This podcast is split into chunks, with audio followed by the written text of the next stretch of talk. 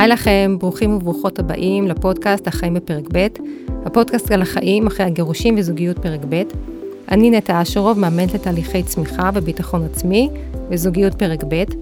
הקמתי את הפודקאסט הזה כי רציתי לשתף לעולם את כל מה שעובר ועוברת מי שמתגרש, מהכאב והבלבול וחוסר הוודאות שיש בשינוי המסגרת חיים שלנו, דרך ריפוי, למידה והתנסות ובניית החיים החדשים, ומציאת הדרך שכל אחד ייחודית לו. כי בדרך הזו אין פתרון בית ספר, וכל אחד כותב את ספר התשובות שנכון לו. אם אתם רוצים לשתף סיפור שלכם על הדרך שעברתם, תכתבו לי neta.mypodcast.gmail.com והנה אנחנו מתחילים, והיום פרק מדהים, אה, מדהים וגם אה, מאוד מאוד פרקטי וכלים. היום אנחנו מדברים על אה, תכנון פיננסי ועל איך להתחיל להשקיע בנדל"ן, והבאתי אורחת יקרה. היום איתנו אורלי רובין. היי אורלי. היי, שמחה להיות פה. אורלי היא יועצת כלכלית, מלווה משפחות בתהליכי תכנון פיננסי, להגדיל את ההון ולצבור נכסים. אה, אורלי בעצמה היא גם נדל"ניסטית וגם מכירה מה אה, קרנות השקעה בנדל"ן, אה, ותכף תספר לנו ככה ממש בהרחבה על כל הדברים האלה ואיך מתחילים, איך מתחילים להשקיע בנדל"ן, שזה כזה משהו שהרבה רוצים, או בייחוד אחרי הגירושין, מחשבות של מה עושים עם הכסף, מה עושים עם ההון, וממש יש ככה כלים להתחיל את הדרך. אורלי תכף תספר עצמה, היא גרושה משני ילדים. ואנחנו נדבר בפרק על בניית אה, חוסן פיננסי, על אה, תהליך שאורלי מלווה לקוחות, אה, עם דגשים שונים, שזה נורא מעניין, ככה דיברנו שיש תכנון פיננסי לנשים צעירות, יש תכנון תהליך לגרושים או לגרושות, ויש תכנון לתהליך של זוגיות פרק ב', וגם יהיה לנו אחר כך ככה קצת מידע mind blowing, כמו שאמרת, כמו שהסברתי ככה שהתכוננו לפרק, זה היה ככה משהו... באמת אה, מידע שחשוב, ונעשה סדר בכל מה שקשור לתכנון, לעתיד. אה, אז אורלי, קצת תספרי ככה על עצמך, איך אה, הגעת לעסוק בתחום הזה? אני בעצם הרבה שנים עבדתי, עשרות, עשרות שנים, אני נשמעת נורא זקנה, אבל הרבה שנים עבדתי בחברות הייטק, בכל מיני תהליך, תפקידי שיווק ופיתוח עסקי. וכשעלה על הפרק הנושא המחשבה של אה, גירושים, אז בעצם אה, החלטתי ללכת לתהליך תכנון פיננסי. ו... ולראות איך אני נערכת לכל הנושא של אה, לחיות פתאום עם משכורת אחת במקום עם שתי משכורות, איך אני, זה היה ממש חלק מההחלטות ה... יש הרי תהליך קדם כזה לפני שהם מדברים ולפני שהם מחליטים. הלכתי ו- ועשיתי את התהליך וכשיצאתי מהתהליך כזה אה, לקראת הסוף אז אה, ככה שאלתי אותם תגידו תעשו לי טובה תעשו לי רגע תעשו לי סימולציה שמה יקרה שאני אגיע לפנסיה. אז הם עשו לי סימולציה והגיעו אה, למסקנה ש... יהיה לי עשרת אלפים שקל בפנסיה מהחסכונות שחסכתי עד אז, רק מהחסכונות הפנסיונים. כן. וככה פתאום את יודעת לכולנו כולנו שומעים את המילים פנסיה ביטוחים משכנתה כל מיני מינוחים כלכליים ו, ולא תמיד זה נשמע לנו כמו בלונים פורחים באוויר ולא תמיד אנחנו קושרים את זה לחיים שלנו. כן, ממש. ופתאום כשאמרו לי עשרת אלפים שקל בפנסיה וקלטתי. אה, שבעצם דירה באזור שאני גרה, דירת ארבעה חדרים uh, קטנה, עולה 7,000 שקל שכירות, ועוד לא היה לי בית משלי, ואמרתי, איך, איך אני אתמודד עם זה בפנסיה? אני צריך לעבור לגור או במקומות פריפריאליים, שזה בסדר, אבל אני, מה לעשות, גדלתי כל החיים בתל אביב. ו... Uh, או, זאת אומרת, אני צריך לעשות שינויים משמעותיים כן. גם במקום המגורים שלי. ואז הבנתי, אז פעם ראשונה שנפל לי האסימון, שאם אני לא לוקחת את המושכות לידיים שלי, אני, אני אפגש עם הדבר הזה בגיל 60, 65, ואני אצטרך להתמודד עם זה אז. וזה היה המניע לפעולה שלי, ובעקבות זה הלכתי ולמדתי את הנושא הזה של ייעוץ כלכלי ותכנון פיננסי.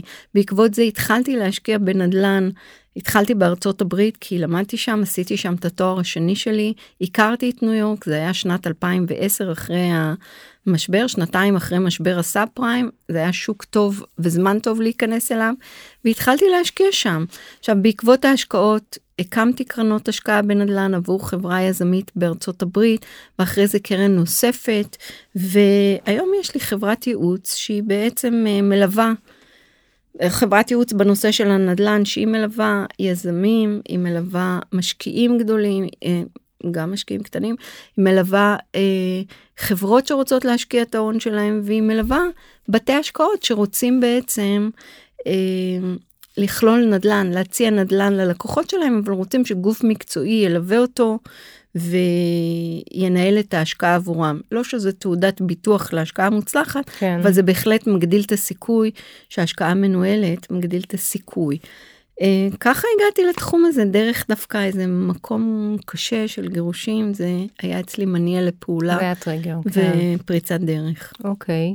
כן אנחנו יודעים שהרבה פעמים השינוי הזה אם תופסים ולוקחים אחריות ואם יש את האפשרות לזה ובאמת לצמוח מהמקום הזה. Uh, אז בעצם כשבוא רגע נחזור ככה באמת ככה למקום הזה של, של התכנון הפיננסי באמת בתכלס איך זה באמת מתקיים. אמ, הרי כשיוצאים לגירושין זה בעצם שוב אתה מגיע למקום שאתה הכי בעצם לרוב נמצא לבד. המסגרת המשפחתית כמו שהכרנו אותה מתפרקת ונמצאים אמ, כל אחד צריך לתכנן לעצמו בעצם יש פה כמה יש פה כמה זוויות אחד זה אמ, תכנון לתא המשפחתי החדש שנוצר, שזה עם הנושא הזה באמת של, מזונות, אם זו אישה שמקבלת את המזונות עבור ילדים, או אם זה הגבר שצריך להסתכל איך אני כל חודש משלם את הסכום מזונות הזה שאני צריך לשלם אותו, ואין פה, זה משהו שהוא כאילו, זה חובה, אין פה אפשרות לשחק עם זה.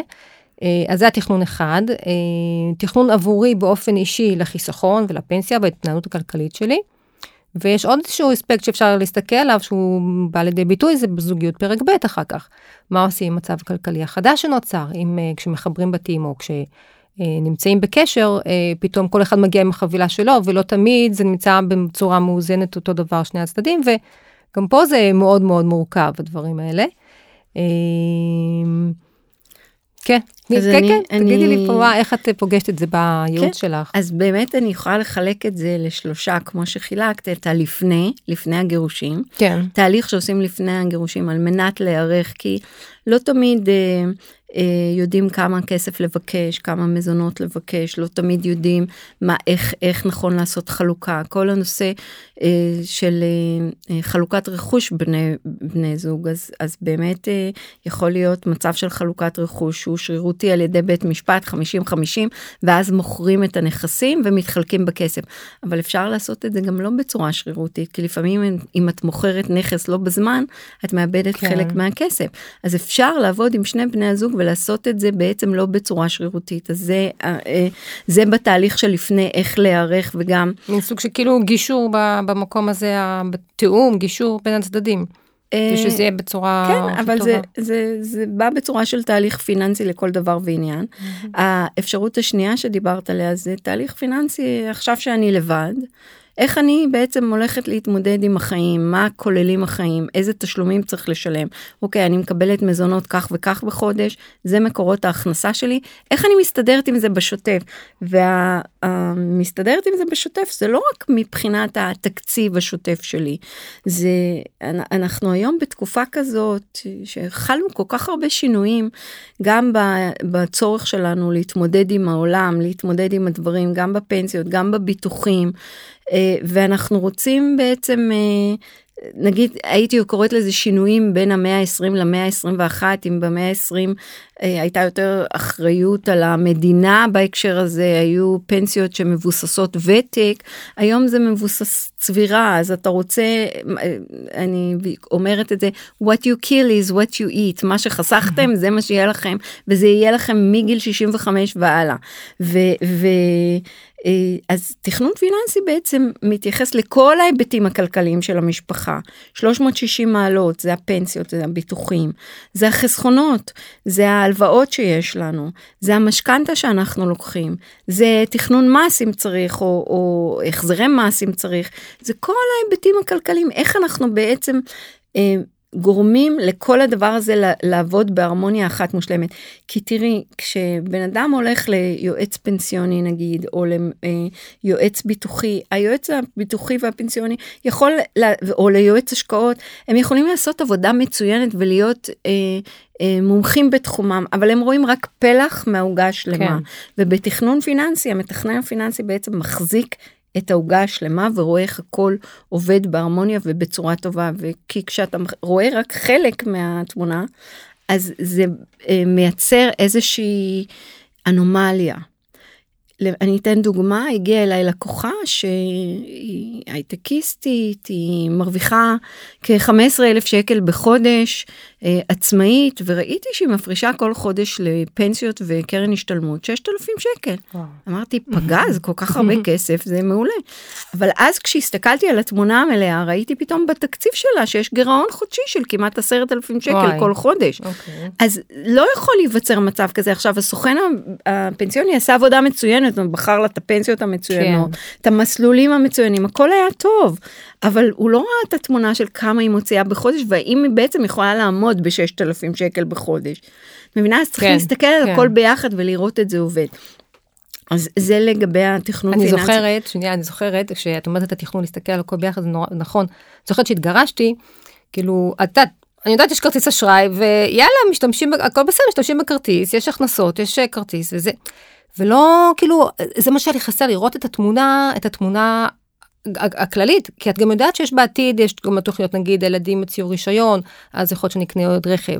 רכב זה 70, 80, 100, 200, לא יודעת, כל אחד מה... זה עוד, זה עוד הרבה כסף. אחר כך יש גם בדרך אה, אה, בת מצוות, כל בת מצווה, כל אירוע זה כסף. אחר כך את אומרת, את יודעת מה, חתונות אנחנו עוד לא שם, אבל יגיעו חתונות. כל מיני דברים שאני אומרת, רגע, אני צריכה מכל ה... מה, מה, מה התקציב שיש לי, להתחיל לשים, לחשוב, לשים בצד, לתכנן. איך הדברים, את אף פעם לא יודעת, גם למרות שאת יש את הצד השני שגם אמור, גם לתת, אתה לא יודע מה קורה לאורך הדרך, הנה, הייתה לנו פה שנת קורונה, אנשים נמצאים בקשיים כלכליים, או אני לא יודעת מה, אי אפשר, את תמיד צריך לשים את הכסף בצד, או לתכנן את זה, של, אה, לעתיד לכל האירועים האלה. אה, אני זוכרת, לקחתי ממש דוח אקסל, ועשיתי לעצמי תקציב. זה, אלה ההכנסות, אלה ההוצאות, להסתכל ולהבין, אוקיי, זה, במסגרת הזו אני צריכה להישאר.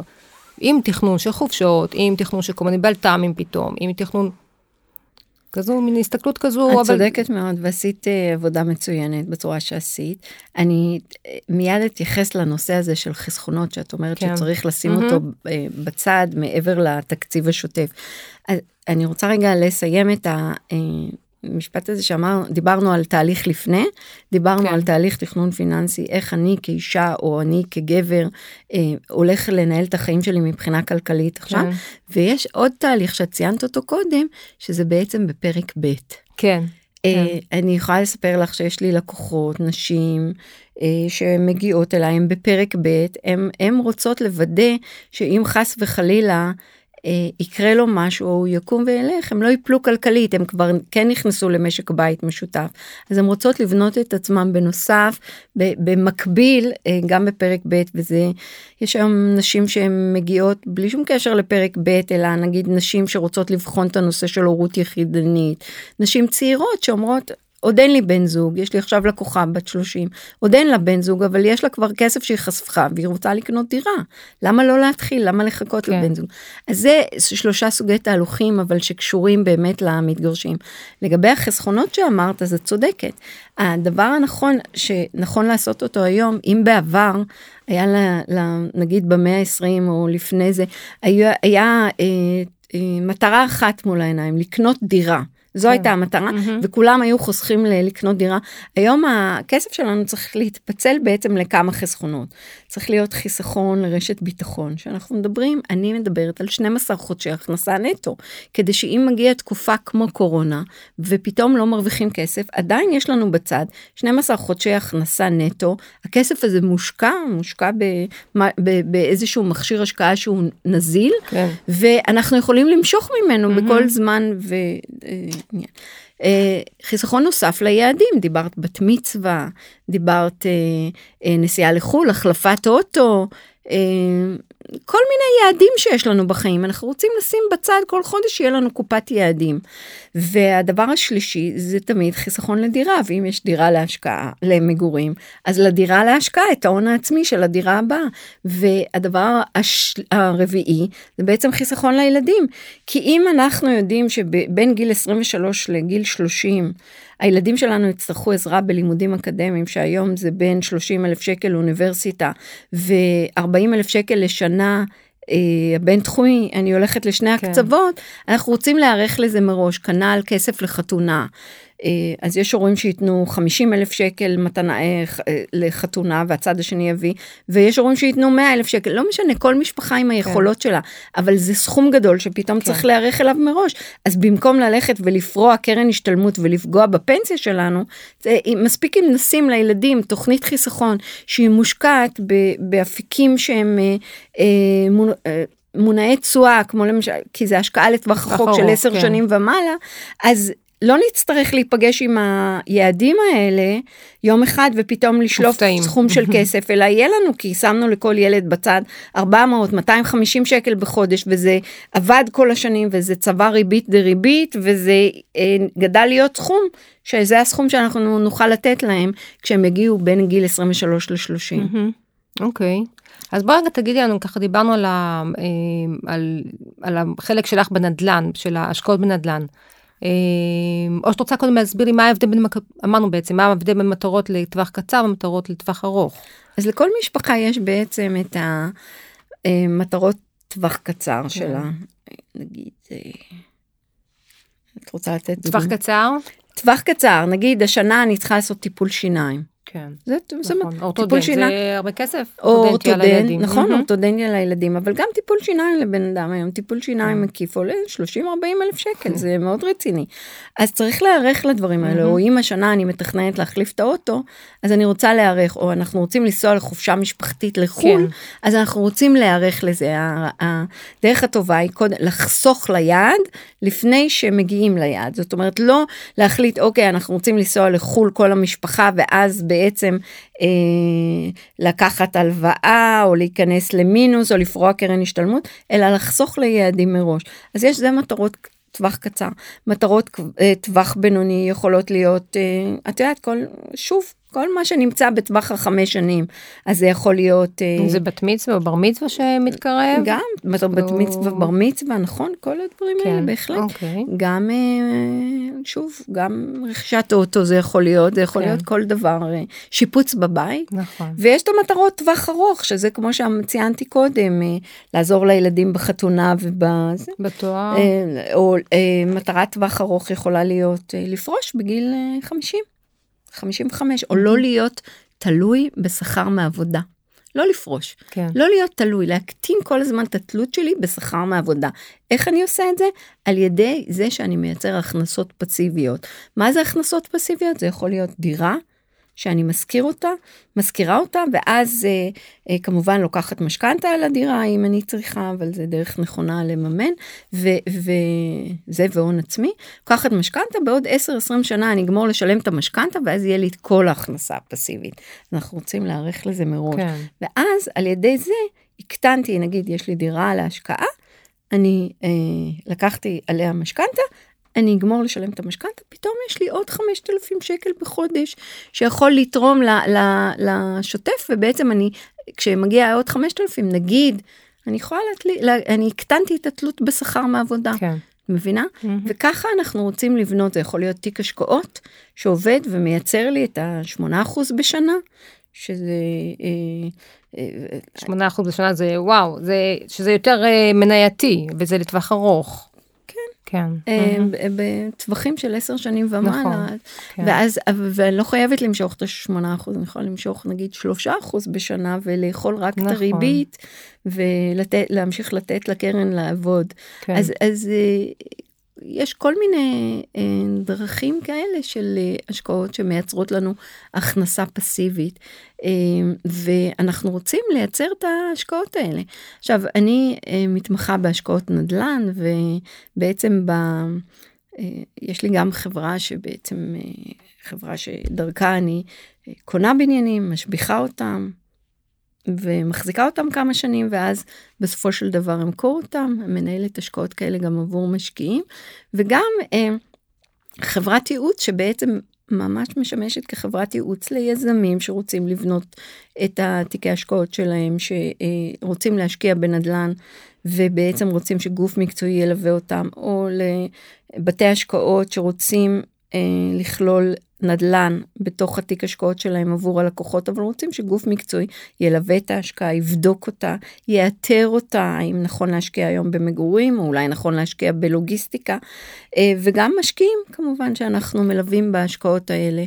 אז אה, אה, ועוד דבר נוסף זה שאני מלווה את הלקוחות שלי, לקוחות שמגיעים אליי, שרוצים לקנות דירות להשקעה, כי את יודעת, אם פעם היה את האמרה הזאת שאיפה שאתה זורק אבן אתה מצליח, היום זה כבר לא ככה. Mm. לא כל דירה שאנחנו קונים היא השקעה טובה, וצריך לדעת לבחור את הדירה הנכונה, את המיקום הנכון, את התזמון הנכון, כן. מתי אנחנו קונים את זה מהיזם.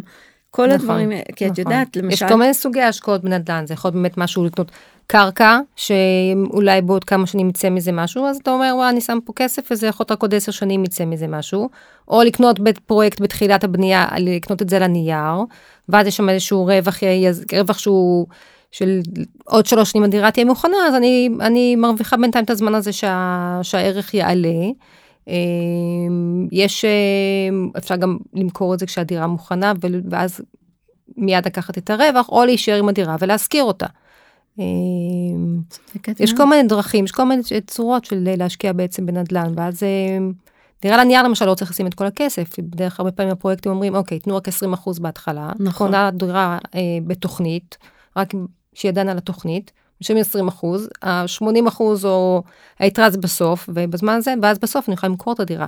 צריך כמובן לראות אה, נושא המיסוי, איך הוא בא לידי ביטוי, תמיד זה, בזה אני ממש לא, אבל כאילו לא אה, יודעת ולא מבינה בזה, אבל צריך תמיד לקחת איזה יועץ, מומחה, אה, לראות מה שנושא המיסוי.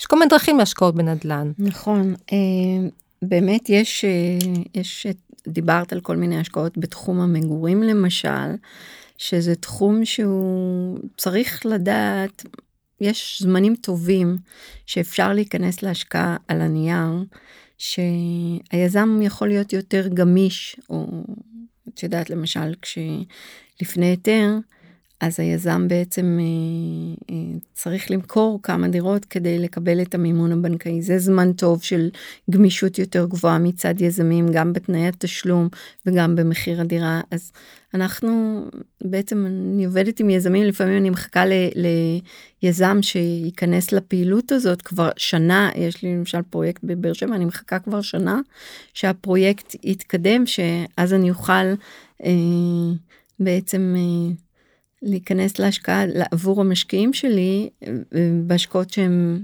מאוד אטרקטיביות במקרה הזה הם יהיו בין 30 ל-40 אחוז אה, מתחת למחיר השוק אבל אני וואו ממש תחשבי שכבר שנה אני בקשר עם היזם הזה okay. כן. ו... ו... שזה שלב מה לפני היתרים גם כן, כן זה, זה הצורה ש... יכולה גבוהה. ואז ברגע שקנית את הדירה את בעצם כבר ממשת את ה...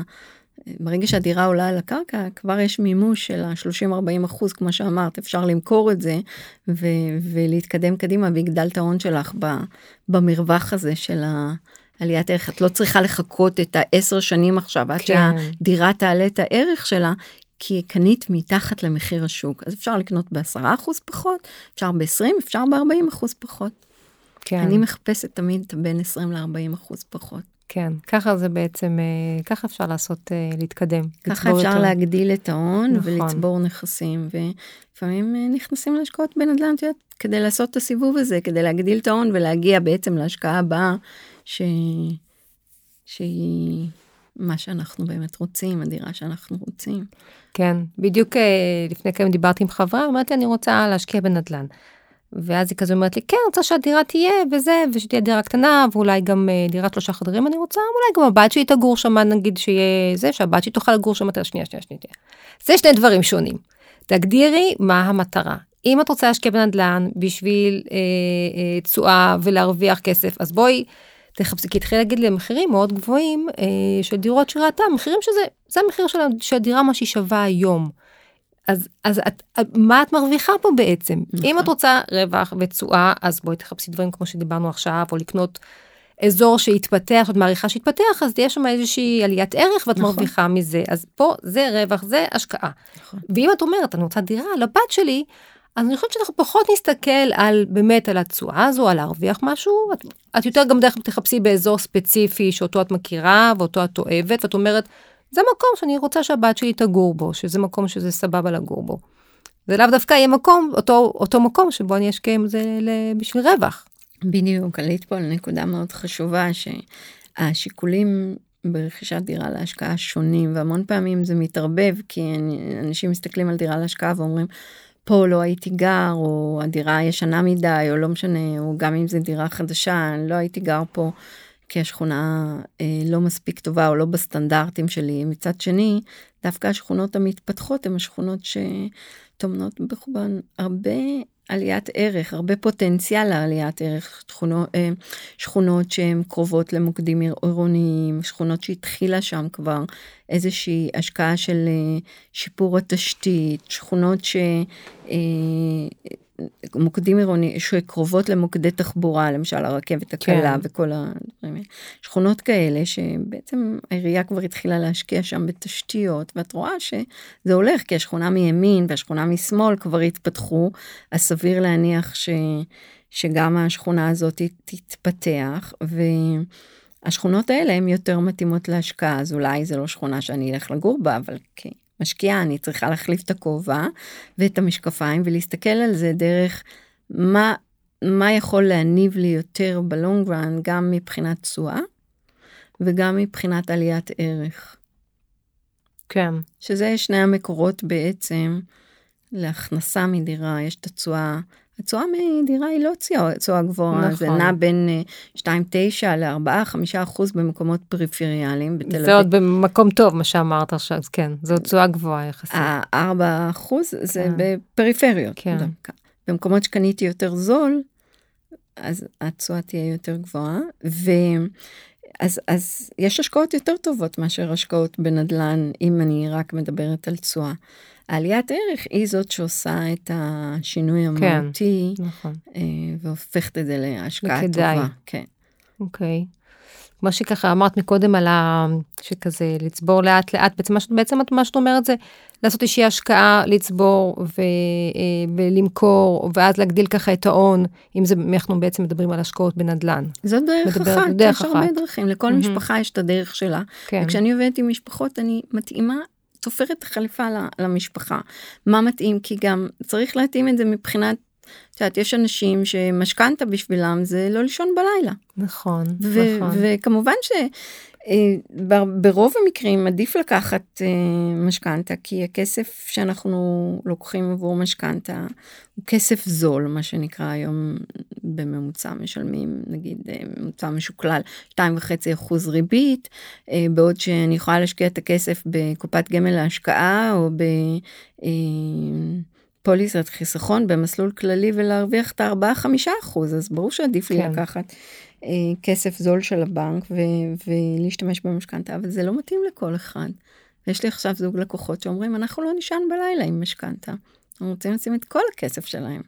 אז זה שיקול אחר, אז נורא תלוי אה, מי יושב מולי, מי המשפחה שיושבת מולי, וזה גם, התהליך הפיננסי הוא גם תהליך מאוד רגשי, כי את יודעת, אה, כסף יושב על רגש, אז, אז hmm, יש, שם, יש שם את המקום הזה שמסתכל על המשפחה ועל האנשים. כממש מסתכל ורואה אותם ואומר בואו נראה מה מתאים לכם אין פתרון בית ספר שמתאים לכולם אותו דבר.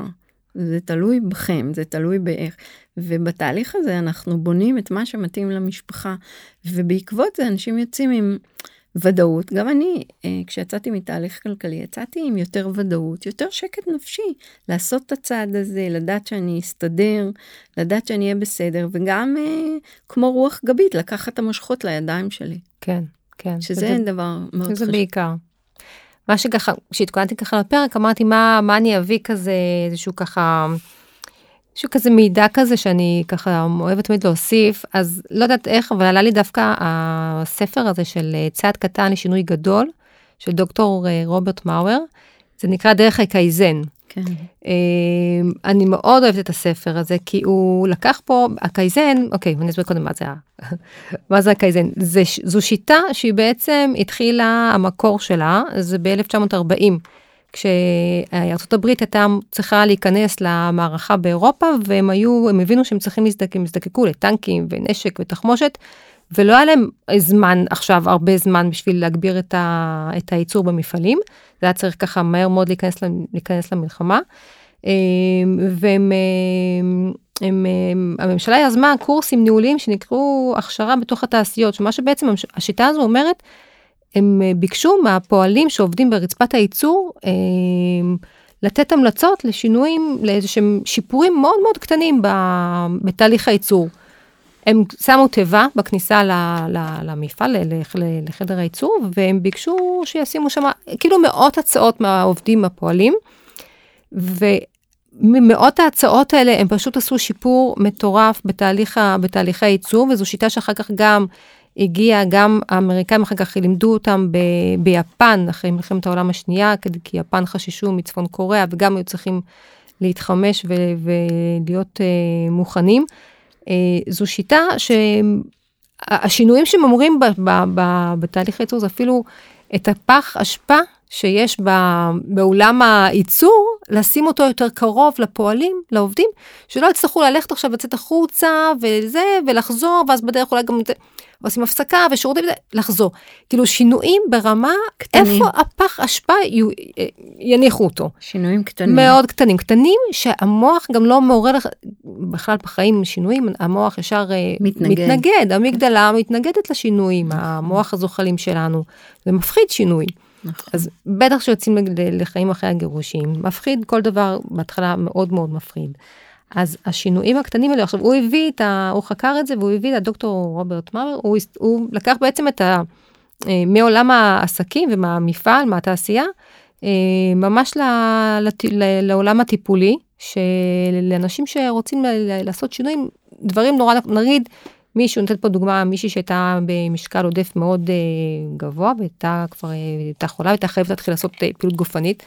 אז אמרו לה, בשבוע הראשון, הראשון, רק תנעלי את הנעלי התעמלות שלך. את לא יוצאת להליכה, את לא עושה ספורט. את רק נועלת פעמיים בשבוע, אחר הצהריים, נעלי התעמלות. נהדר. מטורף. עכשיו, אנחנו יודעים שכאילו, בשבוע השני זה היה, את רק uh, עושה כמה צעדים, את אומרת מול הטלוויזיה, ועושה מספר צעדים במקום. זאת אומרת, אוקיי, מה הבעיה? עכשיו, אני עושה את זה גם המון עם מתאמנים שלי, שאני רוצה בעיקר, אה, ככה שטיפה, אנחנו כל הזמן רצים ועושים ובדוינג, ולא שמים לב כאילו להיות בנוכחות, בפה, בעכשיו, בלהרגיש. אז אני אומרת להם, פעמיים בשבוע אתם עוצרים לדקה. דקה שנייה לעצור, לנשום. דקה, פעמיים בשבוע. עכשיו, כאילו, אם הייתם אומרים, אוקיי, פעמיים בשבוע, שבו חצי שעה וזה, אף אחד, זה, זה, זה, זה לא קורה, זה לא יקרה. אבל בסדר, דקה, שנייה, דקה, אני אעצור. גם זה קשה, גם זה קשה. קשה לעצור את העשייה שלנו ואת הריצה. אז, אז, אז זה ספר שאני ככה מאוד אוהבת, אני גם אשים את זה בסוף ה... בתיאור של הפודקאסט למטה, יהיה גם אה, שם הספר. אה, דרך הקייזן, זה שזה ספר מקסים, על איך אנחנו, איך מייצרים אה, שינויים. אה, על ידי baby steps. בדיוק, שלא, זה, זה לשאול שאלות קטנות, זה לחשוב מחשבות קטנות. אה, זה לפעול פעולות קטנות ולפתור בעיות קטנות. כשיש בעיה שהיא נראית נורא גדולה, נגיד איך עכשיו אני מביאה כסף, בואי נחזור את זה חזרה, נחבר את זה לפה מה שדיברנו, איך אני מביאה כסף עכשיו לקנות דירה, mm-hmm. איך? אז גם אנחנו מפרקים את זה לבעיות קטנות, קטנות, קטנות. כמו שאמרת, איך את עושה את זה באמת ב, בתהליך כזה עם, עם, עם, עם לקוחות שבאים אלייך לתכנון? באים, אומרים, מאיפה אני עכשיו מביא כסף להשקעה? אז ברגע שעושים את התכנון, תראי, אי אפשר לייצר אה, יש מאין, אבל נוצר שינוי, אה, שינוי מחשבתי בעיקר. אנשים מבינים את המשמעות של לייצר את העוד כסף, את הכסף הנוסף, כדי להיכנס לעולם של ההשקעות ולהתחיל להשקיע. הם מבינים את זה. אה, לייצר את הכסף הנוסף כדי לחסוך, שיהיה לכל החסכונות שדיברתי. וזה, הש... התהליך הוא מניע לפעולה. מניע לפעולה, אז uh, הרבה אנשים מגדילים הכנסה, הרבה אנשים מסתכלים נגיד על התקציב שלהם ואומרים, כן, אני יכול uh, אה, כדי לחסוך 3,000 שקל בחודש, אני בהחלט יכול, אה, אה, במקום להזמין בוולט, שלא, סליחה, לא, תחתכי את זה בעריכה, אוקיי. במקום להזמין בוולט ב-2,000 שקל בחודש, שזה מה שאני רואה אצל חבר'ה צעירים, אני אזמין בפחות, ואני אזמין אולי רק פעם בשבוע, ו... לא כל יום להזמין, את מבינה? ואני אנתב, זה עניין של סדרי עדיפויות משתנים. וכשסדרי העדיפויות משתנים אנחנו מוצאים את הדרך לייצר כסף. אני רוצה להגיד לך שבקורונה אה, משפחות חסכו בממוצע, זה לא, זה לא נתון מדעי, אבל משפחות שאני ליוויתי, חסכו בממוצע 7,000 שקל בחודש. וואו. כי לא היו בילויים, לא היו נסיעות לחו"ל, לא היה אה, לצאת למסעדות, לא, לא יצאו לקנות בגדים. נכון. אז 7,000 שקל בחודש ראיתי משפחות שפתאום צברו הון בשנה הזאת, ואז התחילו לדבר על בוא, אוקיי, צברנו... זה אפשרי. צברנו, אה, אה, שנה הייתה קורונה, לא בילינו, לא עשינו כלום. בואו, אנחנו רוצים לקנות דירה או רוצים לעשות משהו עם הכסף ולגרום לו לעבוד. כי הרעיון הוא לייצר אה, מנוע צמיחה נוסף. יש לנו את המנוע צמיחה אחד שזה אנחנו עובדים ומייצרים עבורנו כסף מעבודה, ויש מנוע צמיחה נוסף שאנחנו יכולים לייצר. זה איך הכסף שלנו יכול לעבוד ולייצר עבורנו כסף חדש. ואז במקום מטוס חד מנועי אנחנו הופכים לפעול כמטוס דו מנועי. ולפעול במקביל על כמה חלקים ובעצם לייצר את הדבר הזה עבורנו. אז את שואלת איך? אז הנה הקורונה עם כל הצרות שהביאה, הביאה לאנשים הרבה, הרבה הון עצמי לדירה, והם יכלו לחסוך בגלל ששנה הם לא עבדו. אז הדברים האלה אפשריים, ואני חושבת שדווקא היום, בעקבות הקורונה, אנשים מבינים שחייתי שנה, לא, לא ביליתי הרבה, לא, אפשרי הדברים כן, האלה. כן, זה לא חייבת להיות הקיצוניות הזו שבאמת, בדיוק. אבל להגיד רגע, אם אני קצת מורידה מה... בדיוק, קצת מוריד מההוצאות. או קצת מעלה בהכנסה שלי, אני פתאום יכול לייצר אה, חיסכון של 3,000 שקל בחודש, 4,000, 5,000, משפחה יכולה לייצר חיסכון כזה, ואז פתאום עוד שלוש שנים, ארבע שנים, אני יכולה, יש לי מספיק הון עצמי לדירה. ולא חייבים, כמו שציינת קודם, יש דירות שאפשר לקנות אותן על פני נגיד ארבע שנים, פרויקט שאני מלווה עכשיו בבאר שבע, פרויקט שעל פני ארבע שנים, שכל שנה צריך לשים חלק. אז כל פעם אתה רואה את הגבעה הקטנה שמולך ואתה מתאג, מתארגן אליה, וזה יכול להיות יותר קל ולאפשר את האיך לקנות דירה להשקעה. Mm-hmm. יש ככה אזורים, סתם ככה ממש מהמלצות כאלה שלך שאת יכולה להגיד, אה, אה, מה להשקיע, באיזה, מה, מה, מה את בעיקרון, אה, בעיקר את עובדת עם אה, לקוחות שלך, על, אמרנו קודם מרכזים לוגיסטיים, זה לא חייב להיות רק דירה, נכון? זה לא חייב להיות גם רק דירה, היום אני מלווה אה, אה, יזם בתחום הלוגיסטיקה בישראל, ובהחלט זה תחום שהוא מאוד מתפתח, וזה השקעה שהיא מאוד טובה, היא פחות מתאימה למשקיעים של אה, נגיד מתחת למיליון שקל, אבל מעל מיליון שקל היא בהחלט יכולה להתאים וזה, תחום הלוגיסטיקה מאוד מתפתח בארץ. אה, אנחנו בעצם מייצרים מודלים איך משקיעים של מיליון שקל ומעלה בתחום הלוגיסטיקה יכולים להיכנס. אבל בתחום הדירות להשקעה לא צריך אה, מיליון שקל, mm-hmm, אפשר... כן. את יודעת, עם הון עצמי הרבה יותר קטן להיכנס לדירה ולקנות את הדירות במיליון שקל שמייצרות לנו את ה... 4% אה, תשואה. הרעיון הוא למצוא את הדירות האלה, דירה ב... שמייצרות את השלושה וחצי, 4 אחוז תשואה. זה, על זה אני מדברת. ואז ההון העצמי שם צריך להיות סביב ה-300, 300 וקצת. אז... הון עצמי זה 50 אחוז מהשווי של הנכס? אם זה דירה ראשונה זה... ואפשר גם פחות. 30 אחוז. 30 כן, אחוז. כן. אוקיי. אם זה דירה שנייה זה 50 אחוז. כן. את אומרת, זה עניין של אה, צריך לחפש אזורים שבהם באמת אה, לפי התקציב, ולראות אה, אזורים שזה מתאים לתקציב ה... שאם מבחינת ההלוואה, מבחינת ההון העצמי, שאפשר להביא לנכס. מה את אומרת על דירות שנגיד שהיום, שזה היה אולי טיפה לפני כמה שנים, הקונים, משפצים, מוכרים על השקעה כזו? השבחה. כן. השקעה נהדרת. כן. השבחה, כן.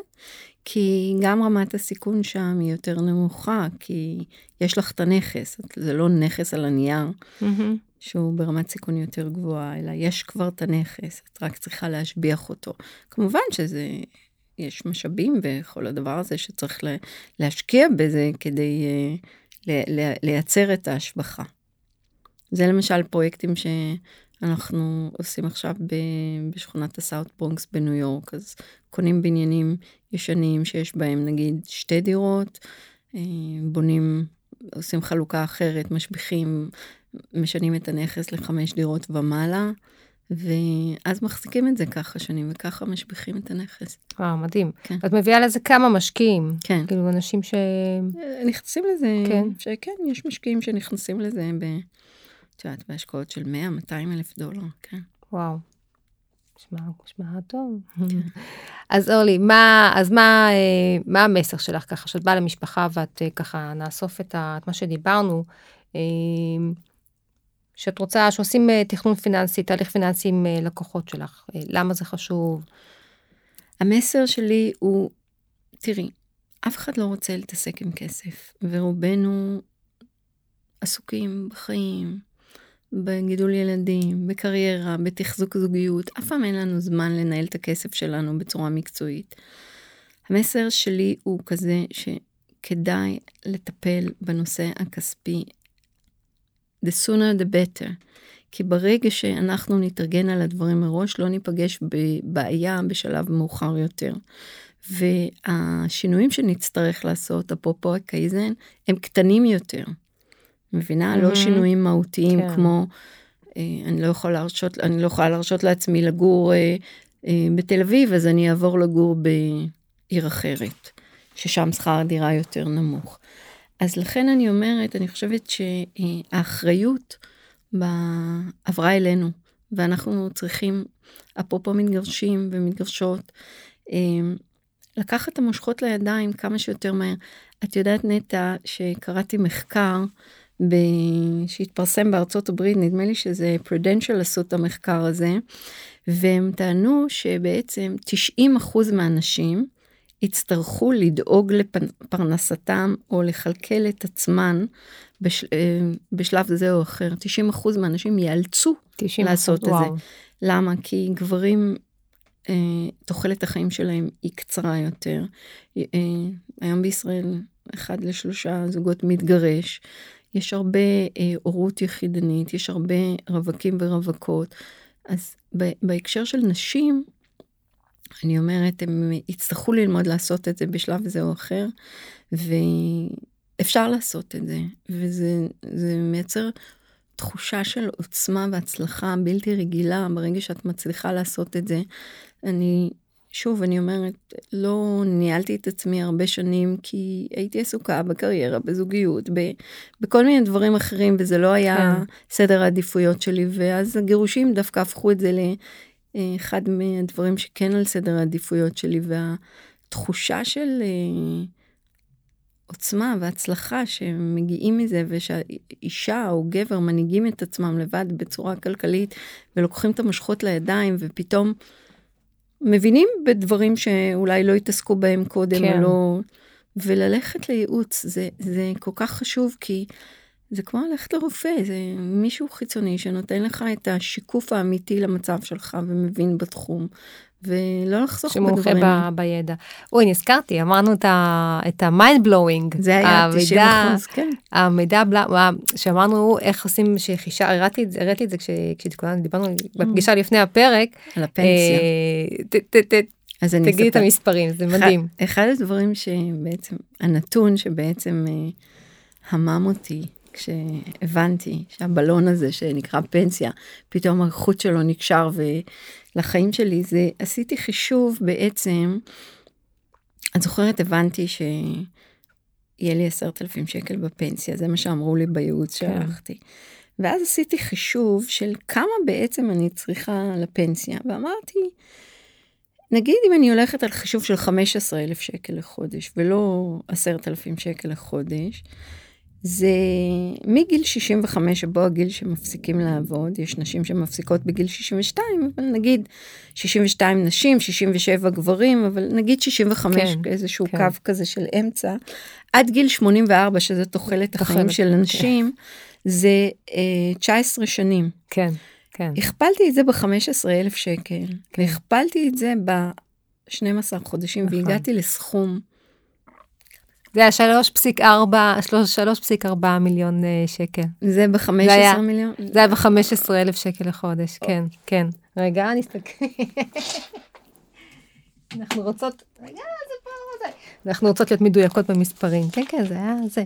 זה היה 19 שנים כפול 12 חודשים כפול 15 אלף שקל. הגענו ל... כן, הגענו ל-3.4. 3.4, כן, מיליון ש- שקל. זה 3.4 מיליון שקל מהמם. ש... שאדם צריך כן. לחסוך, מהמם.